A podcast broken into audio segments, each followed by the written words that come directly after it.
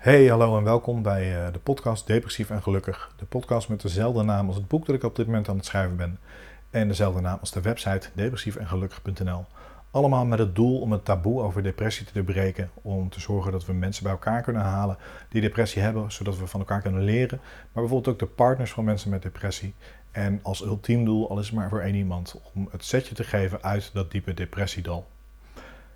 We zitten in het tweede deel van mijn, van mijn depressie, van de, van de podcast. En daarmee bedoel ik uh, het soort van, soort van tweede seizoen. Ja, tweede seizoen uh, klinkt zo gek omdat het geen ander seizoen is. Maar uh, het tweede deel, ik heb in eerste instantie tien podcasts opgenomen, tien afleveringen. En ik ben nu bezig met de vijfde van de volgende tien. In de eerste serie heb ik je verteld dat ik een tijdje uit huis ben geweest. Ik heb je verteld over hoe ik over social media denk. Um, oh ja, ik heb een brief die ik aan mijn vader heb gestuurd, heb ik uh, voorgelezen. En ik bedenk maar nu dat ik helemaal daar niks meer over gezegd heb. Uh, dat ga ik in een andere podcast nog wel doen. Dus mocht je daar uh, benieuwd naar zijn, dat komt nog. In het tweede deel van de podcast, dus in het tweede seizoen, heb ik het in eerste instantie gehad over mijn huidige status, dat het beter met me gaat.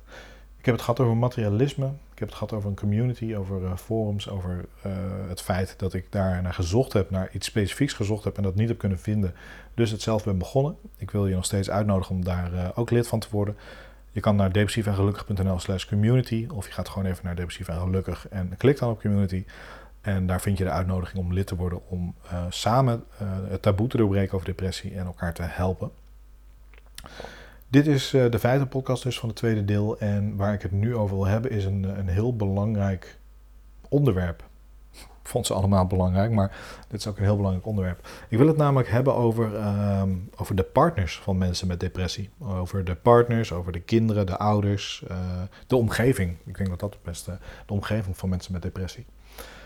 Um, aanleiding, ik, ik, wil er al langer hierover hebben, maar aanleiding daarvan is een, uh, ja, ik weet niet goed hoe ik het benoemen. Het was geen ruzie, conflict klinkt zo zakelijk. Een dingetje is een dingetje wat ik vanochtend uh, had met Charlotte, met mijn vrouw. Uh, ik, zoals ik zei, zoals ik in de eerdere podcast uh, van, dit, van dit deel ook heb laten weten, het gaat beter met me. ik, heb, ik betere dagen. Maar ik kan niet zeggen dat ik al uit mijn depressie ben. Dat, dat zou een beetje te voorbarig zijn. En dat houdt in dat ik op dit moment zeker, het is juli, het is eind juli, dat ik op dit moment zeker een half jaar, ik denk langer, in een depressie zit. En dit is wel een van mijn langere depressies.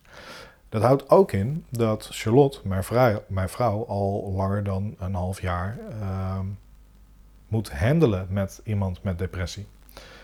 En uh, ik moet je eerlijk zeggen dat, dat, uh, dat het een dingetje is wat ik uh, soms vergeet. Zeker wanneer ik op zijn diepste met depressie zit, dan uh, sluit ik af. Dan, dan ja, of ik lig in bed of ik ik, ik, maak geen deel uit van het gezin, laat ik het zo zeggen. Dat is ook de reden, precies de reden waarom ik toen een weekje weg ben geweest. Maar goed, wat ik eigenlijk wil duidelijk maken is dat je erbij stil moet staan hoeveel impact zo'n depressie heeft op de omgeving van de mensen met depressie. Laten we even helemaal buiten kijf wat, wat de impact is van diegene die depressie zelf heeft. Ik bedoel, daar, daar hebben we het vaak genoeg over. Het heeft ook een enorme impact op de, de, de mensen eromheen. En in dit geval is het zo dat ik samen met mijn vrouw en mijn zoon woon.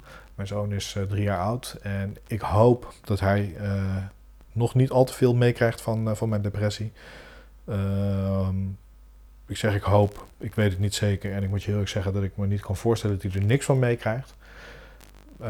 Wat, wat ik, ja, ik krijg bij, bijna tranen van in mijn ogen, want als ik iets niet wil, dan is het. Ik, ik zie depressie echt als, als mijn vijand. En ik, als ik iets niet wil, is het dat depressie in de buurt komt van Nout, van mijn zoon. Ehm, maar dat, ja, dat is dus absoluut wel een ding om bij stil te staan. Ehm, zodra je je beter voelt en uh, stel, de, jij, stel dat jij degene bent met depressie en zodra je je beter voelt, dan is het echt iets waar je ook ehm, ja, sowieso waardering voor moet uitspreken. En ik zeg, zodra je uit je depressie bent, je mag het natuurlijk ook doen terwijl je in je depressie zit, maar ik kan me voorstellen dat je dus op dat moment dat niet helder hebt. Maar ja, ik, ik heb gewoon enorm veel respect voor Slot. Ehm, ik heb enorm veel respect voor Slot. Ik heb enorm veel waardering voor haar. Uh, respect voor het begrip wat ze opbrengt.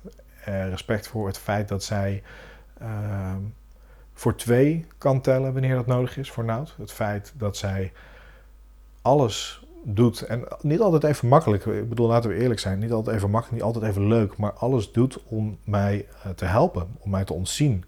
En daar ontstaan echt wel heftige momenten uit. Daar ontstaan momenten uit dat zij natuurlijk zich uh, ja, overbelast voelt, laat ik het even zo zeggen. Dat ze zich oneerlijk behandeld voelt.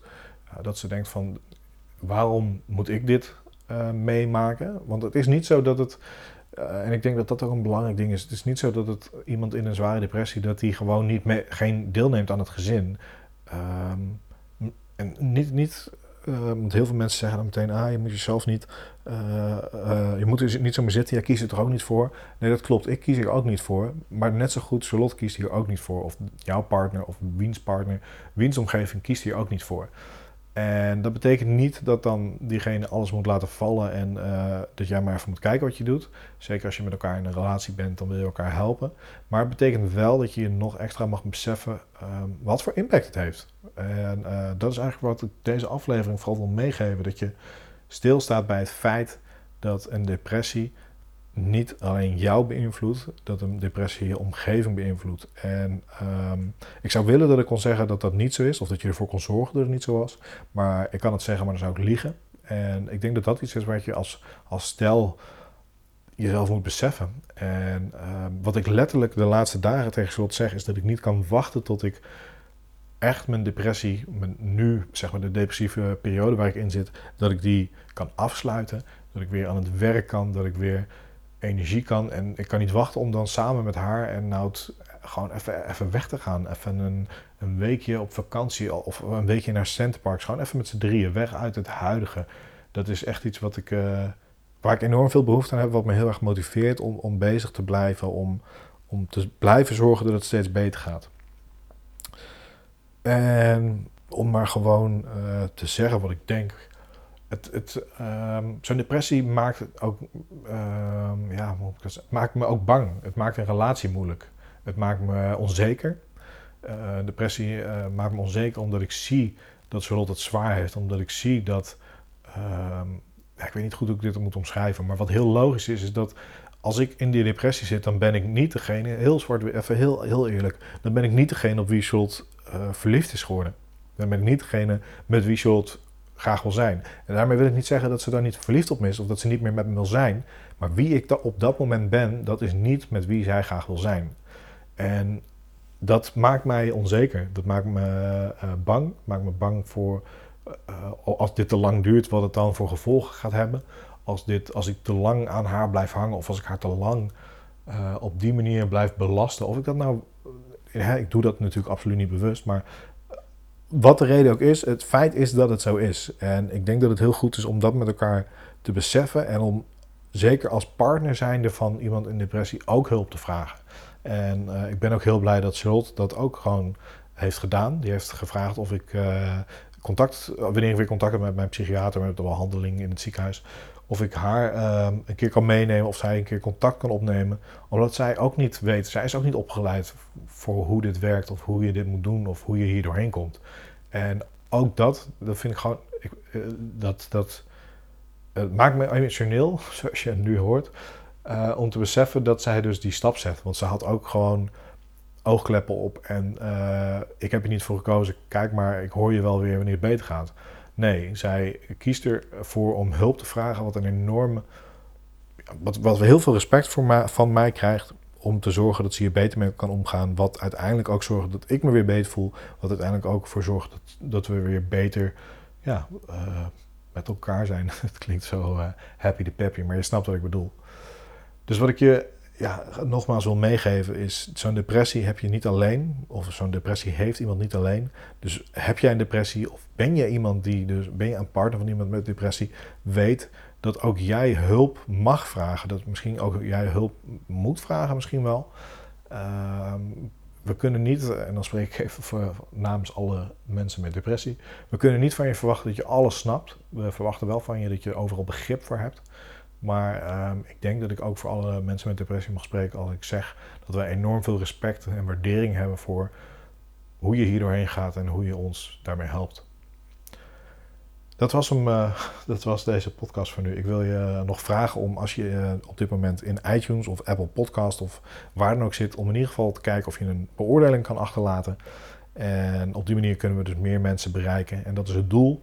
Ik wil zoveel mogelijk mensen bereiken om het, uh, het taboe over depressie te doorbreken. Om te zorgen dat we erover kunnen praten. Mensen met depressie, mensen met mensen, sorry, partners van mensen met depressie.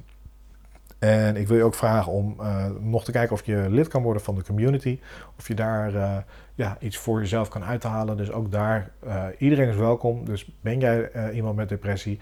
Ben je een partner van iemand met depressie? Ben je een ouder, een oom, een tante, een buurman? Weet ik veel wat. Wat je ook met depressie hebt.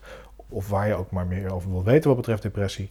Ga even naar depressiefengelukkig.nl slash community of gewoon depressief en en klik op community. En daar vind je mijn uitnodiging om, uh, om lid te worden van die groep. Nogmaals bedankt voor het luisteren en ik hoop je snel weer te zien.